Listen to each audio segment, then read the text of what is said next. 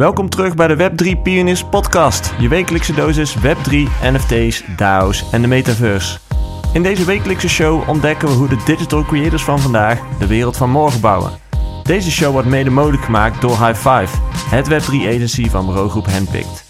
En dan de wekelijkse disclaimer, wij geven geen financieel advies. Web3 kan geweldig zijn, maar tegelijkertijd kan er ook nog heel veel misgaan. Dus, do your own research and don't blame us.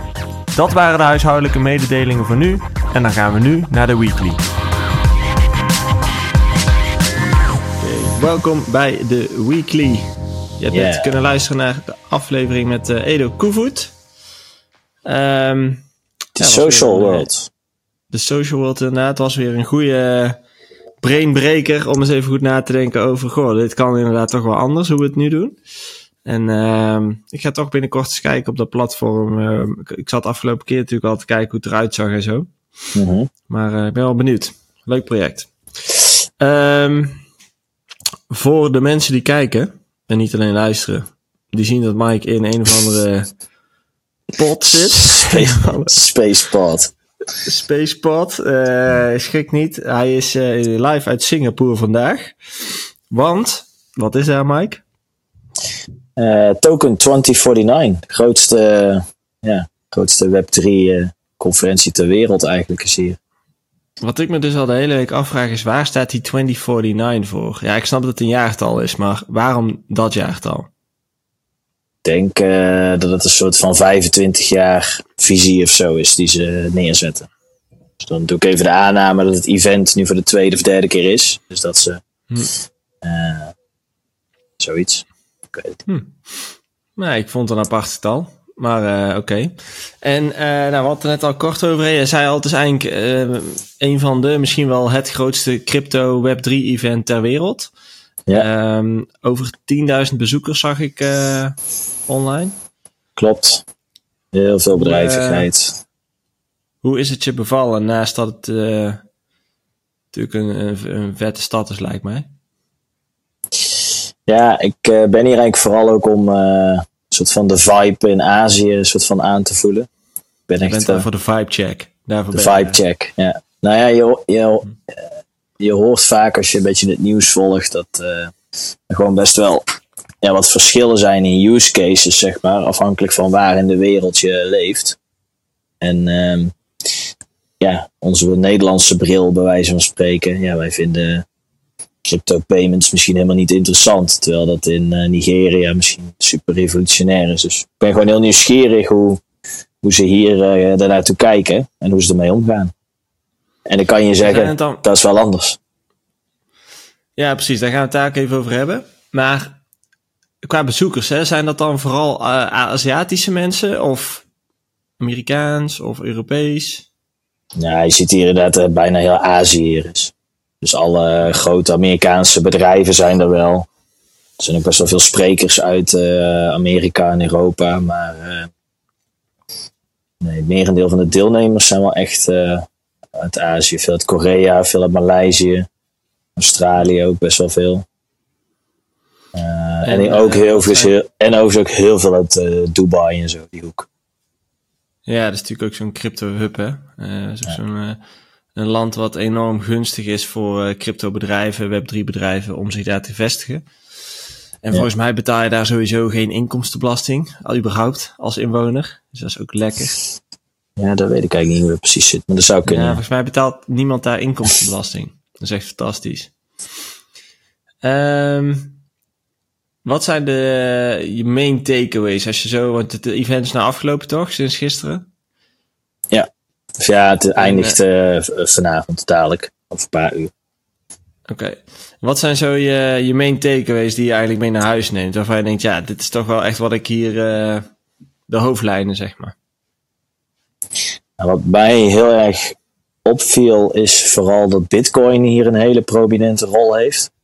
Hmm. Dus uh, op de main stage waren denk ik wel, wel, wel 5, 6, 7 ja, zeg maar, tijdslots uh, soort van geblokkeerd voor allerlei eh, perspectieven op uh, Bitcoin. Dus ja, voor de, voor de mensen die het wel of niet volgen, maar bijvoorbeeld Balaji was er, Nick Carter, de Winkelvossen broertjes van Gemini. Eric Wall, de man achter Bitcoin Ordinals. maar ook Dan Held, Willy Woo, de, de, de analyse guy. En ja, een beetje de algemene sens eromheen is ja, Bitcoin zien ze echt wel als anker, zeg maar, voor heel veel financiële producten. Hm. Um, ja, wat me verder heel erg is opgevallen, er zit hier ontzettend veel uh, DeFi, hè, dus Decentralized Finance. Um, en waar het echt ook heel veel over ging, is eigenlijk uh, de intersectie tussen uh, Web3 en AI. Hm. Dus hoe, hoe breng je dat hoe breng je dat samen, zeg maar. tot nu toe is dat ehm. nog niet heel succesvol geweest, toch? Die AI-koppeling met uh, crypto bijvoorbeeld. Het schijnt dat er dus wel echt heel veel aan gewerkt uh, wordt. Omdat, hm. uh, ja, dat wordt misschien vrij technisch, maar ik, ik, had ook nog een oproepje voor de luisteraars. Ik, ik, zou het leuk vinden om een aflevering te doen met een gast, met iemand die eh, wat meer in AI en Web3 zit. Dus ken je iemand die actief is in dat werkveld, dan kom ik daar graag mee in contact. Lijkt me leuk om een keer een aflevering over te maken. Maar, bedoel je iemand die een AI-project heeft of zo, gebaseerd op blockchain? Ja. ja. Oké. Ja, dus uh, dat is heel interessant. Verder kijken ze hier ook heel erg naar stablecoins. Dus uh, stablecoins zijn echt uh, de benzine zeg maar, van de, de economie. En um, ja, poeh, moet het een beetje kort proberen te houden. Maar, uh, We hebben de tijd. ah, kijk, in 1970, toen ontstond er iets wat ze noemen de eurodollar. En dat zijn eigenlijk dollars die door de Amerikaanse centrale. Ja, ook al de euro-dollar. En die, uh, dat zijn dollars die worden uitgegeven door de Amerikaanse centrale bank. Maar die kwamen eigenlijk terecht, volgens mij vooral via Londen. Ik weet het niet precies, maar anders Google het eens of YouTube het. Het is heel interessant. Die kwamen soort van terecht in het financiële systeem via Londen. En van daaruit ging het de hele wereld in. En waarom ging het de hele wereld in? Omdat die euro-dollar, dat was voor veel mensen in de wereld eigenlijk een veel interessantere dollar dan de US-dollar. Terwijl het is precies dezelfde dollar in waarde. Het is één op één mhm. hetzelfde waard. Alleen dollars die de US uitgeeft, die vallen dus onder het toezicht en de compliance en alle regeltjes en anti-witwassen vanuit de centrale bank. En die euro-dollars niet. Dus eurodollars, die worden eigenlijk soort van gezien als het vrije geld, waar vrij in gehandeld kan worden wereldwijd, zonder dat de centrale bank van Amerika daar iets van kan vinden. En toen de rentes voor die eurodollar gingen oplopen, toen zag je een soort kapitaalvlucht van de US-dollar naar de uh, eurodollar. Nou, het klinkt heel verwarrend, snap ik, want het is allemaal dollar. Het is ook exact dezelfde financiële waarde. Maar je hoorde het mij net al zeggen, het is eigenlijk dus geld uh, wat niet gecensureerd wordt, wat niet geblokkeerd wordt, wat vrij verhandelbaar is. Klinkt bekend. Hè? Stablecoins. Dit, dit, klinkt als crypto en als stablecoins. Mm Dus wat ze hier heel erg zeggen is van, ja, je ziet eigenlijk dat heel veel van die decentralized finance applicaties, maar ook uh, van die neobanken, hè, dus uh, zoals Bunk bijvoorbeeld, of PayPal, dat soort bedrijven, al die transacties en settlements onderling, die gebeuren dus in stablecoins. Omdat dat dus vrijwel instant is. En als je dat dus over een US dollar netwerk moet sturen, dan duurt dat dus twee, drie dagen. En fees waarschijnlijk. Ja. Dus stablecoins zijn hier gigantisch groot. Dat is echt de brandstof van alles wat hier uh, gebouwd wordt. Dus dat is interessant. Hm. Wat ik ook heel interessant vond, is uh, dat heel veel mensen van mening zijn dat uh, een week of twee geleden was heel even Friendtech heel uh, populair. Hè? Dat heeft gehyped. Ja, wat, ja, wat ja, maar wat, wat daar vooral de takeaway van is, is hey, zij omzeilen de Apple uh, App Store. De 30% fee. Ja. En uh, dat vinden ze super interessant. Want niemand is blij met hoe Apple eigenlijk die walled garden beheert. Uh, en dat het ook veel geld kost. Dus ik verwacht dat er veel meer apps gaan komen die uh, gaan proberen deze benadering uh, te doen. Dus misschien even een stukje context bieden, maar eh, als, als jij een app downloadt in de Apple App Store en jij doet in-app aankopen aanbieden, aanbieden, dan pakt Apple 30%, wat echt heel veel is, van elke aankoop binnen die app. Dus dan, dat is echt Ja. een heel groot deel. En wat heeft Friendtech gedaan, is die heeft gezegd, eh, weet je wat? Ehm, als jij naar onze website gaat, dan kun je daar een icoontje op je bureaublad zetten, of op jouw eh, homescreen, zeg maar. Eh, en dan ga je dus eigenlijk gewoon naar, ja, hoe hebben ze een naam voor? Een eh, webapp? Webapp volgens mij. Ja, die draai je gewoon in de browser, in Safari. zeg. Ja, precies. Dus wat gebeurt er dan? Dan omzeil je inderdaad heel die App Store, oftewel jouw third-party aankopen, of in-app aankopen, sorry. Die hele 30% hou jij dus zelf. Ja, en dat is natuurlijk voor elk bedrijf, als het gaat over miljoenen of miljarden, eh, ja, dan is dat natuurlijk wel eh, interessant. Ja, ik denk, eh, het klinkt heel mooi. Ik denk dat je niet moet vergeten dat Apple Pay echt een hele grote UX-perk is om te hebben. Mm. Hè? Dus ik, ik kan, het zou me zo maar kunnen dat je ook veel meer verkopen doet als je het wel integreert in een app. Ja, Plus, Ja. apps via Safari werken alleen als je een internetverbinding hebt. Dus je moet altijd verbonden zijn met, met internet. En er zijn ook best wel wat sensoren volgens mij die in een telefoon zitten. GPS, camera, gyroscoop. Al die dingen die een app misschien beter maken. Die je niet, eh, je kan die, Hmm. die hardware niet altijd aanroepen vanuit Safari. Dus het leent zich niet voor iedereen. Maar het is wel een interessante gedachte waar hier in ieder geval wel uitgebreid eh, op Hm. ingegaan eh, werd. En als laatste, wat me echt wel opviel. De volumes zijn hier zo anders. Echt waar. Zo Hoe bedoel anders. je dat? Europa is zo klein. Gewoon als, jij, eh, als je denkt, we doen hier een NFT-project of we gaan wat, wat dingen doen. Dan, eh, als je dat gewoon voor de Nederlandse markt doet, dan heb je een potentie, dik veel, een paar honderdduizend klanten of zo nu. Eh, er zijn naar schatting iets van 1,6 miljoen mensen actief in crypto in Nederland. Dus zeg Ja, dat je een paar honderdduizend ermee bereikt. Hier gaat het, alles gaat hier over de honderden miljoenen en de miljarden. Gewoon alles. Qua echt, bereik. eh, qua bereik, qua engagement. Zo. Bijna niemand gebruikt hier meer e-mail. Iedereen zit op eh, Telegram. Echt waar, hè? Eh, En dat is natuurlijk ook, de, ja, dat hebben we niet echt uitgezocht, maar dat is wel even leuk om te melden voor, voor het nieuwsfeitje, is dat Telegram dus ook afgelopen week een nieuwsbericht heeft aangekondigd, waarin zij hebben aangekondigd dat er een eigen wallet wordt eh, geïmplementeerd in Telegram. Ja. Ehm, ja, ik zeg al, het fijne weten we nog niet vanaf, maar ja, het feit dat je dus een wallet hebt in Telegram, dat eh, legt er wel wat dingen in de lijn der verwachting, zeg maar. Het zijn allemaal een beetje die stappen op weg naar de killer app. Hè? En ik denk dat in dit verhaal ook wel een paar dingen samenkomen. Kijk, Elon Musk is hiermee bezig met Twitter. Dat is denk ik een beetje het, westerse narratief. WhatsApp zou zoiets kunnen doen. Eh, Uber is denk ik ook best goed gepositioneerd om zoiets te doen. Je hebt hier bijvoorbeeld een app in Singapore, dat heet Grab. Dat kun je vergelijken met Uber. Kan je alles mee doen. Eh, ja, als daar ook eh, eh, crypto payments en zo inkomen, dan gaat de adoptie natuurlijk wel enorm snel. En het pijnlijke is, en dat hoorde je en ook overal wel in het congres terug van Amerika met hun regulering. Ze zijn echt alle innovatie hiermee een beetje aan het, ja, das om aan het draaien.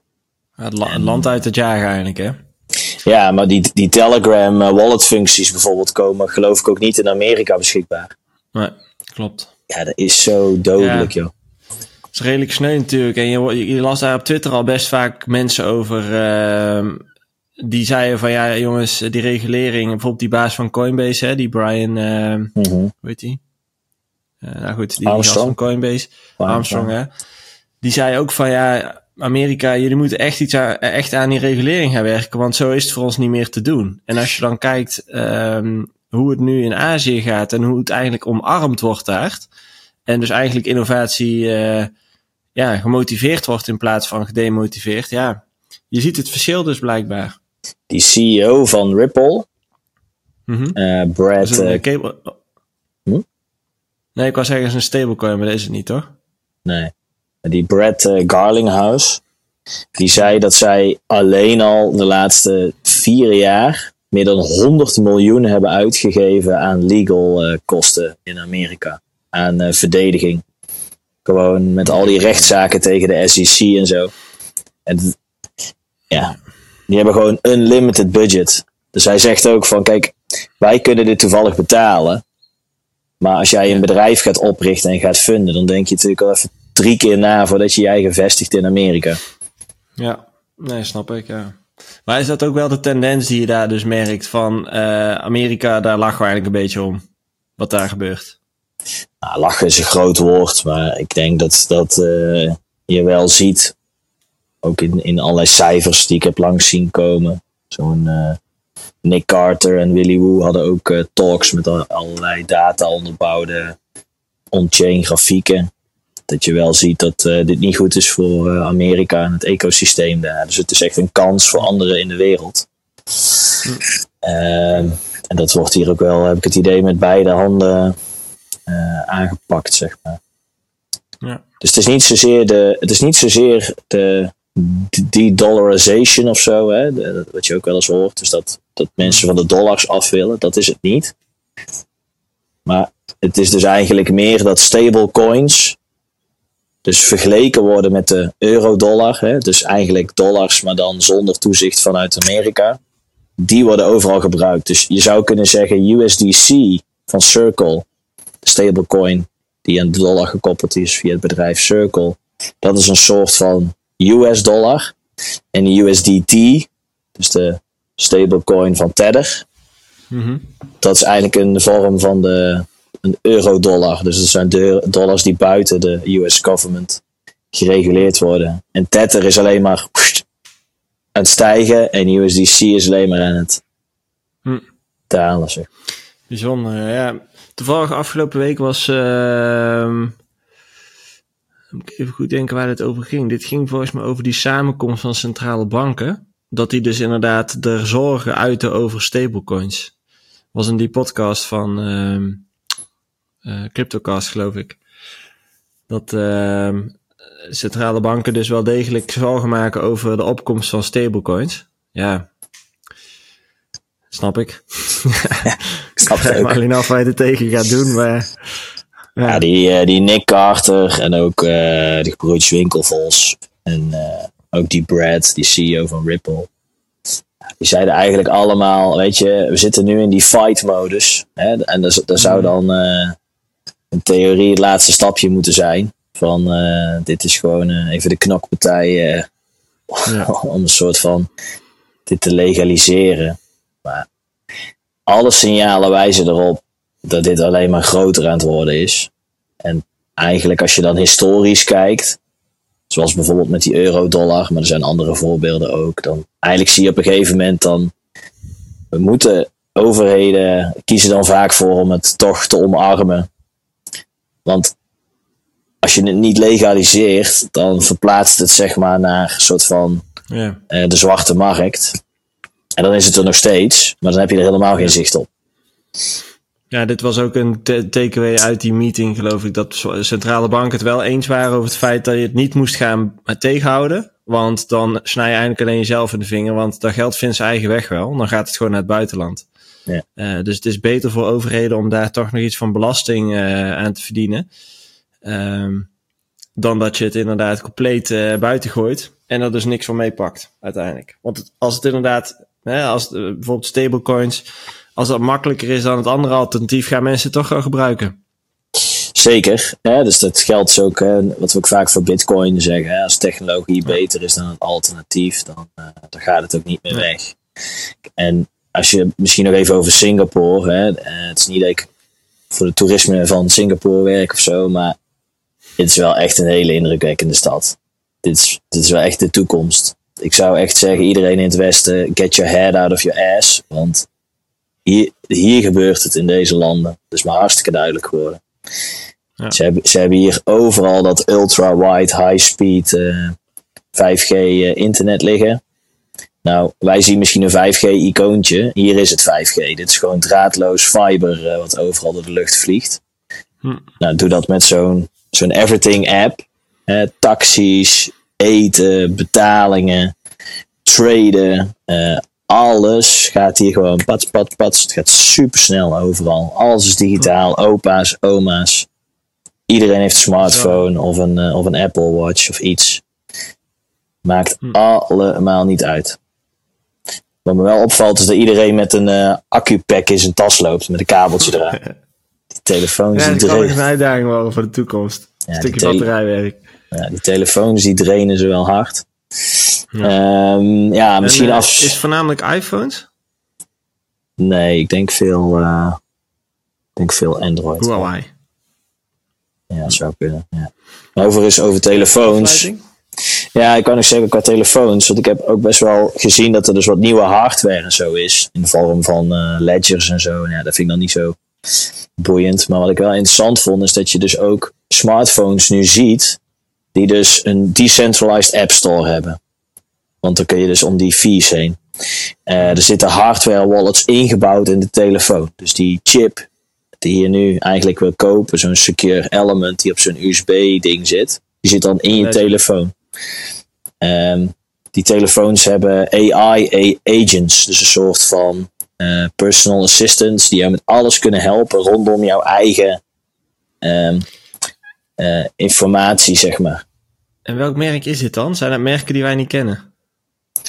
Ja, de, beste uitwerking die ik heb gezien is van eh, Vertu, heet dat? Vertu? Oh, Virtu. Ja, ja. Dat zijn die, eh, vroeger altijd die eh, diamanttelefoon, volgens mij. ja, het- zij positioneren zich een beetje als de, de ultra wealthy, eh, luxe, dure Ja. telefoons. Maar ja, dit is wel gewoon waar het, waar naartoe gaat. 100%. Mooi. Ja, Dus ja. waar FOMO, Mike. Ik, Je hoort misschien het enthousiasme, maar het is wel. Ja. het is Nou, zeker. Goed nieuws, positief nieuws. Ja, het sentiment Eh, hier is dus ook gewoon positief. Ik heb hier ook niemand gehoord over koersen. Iedereen is lekker aan het bouwen.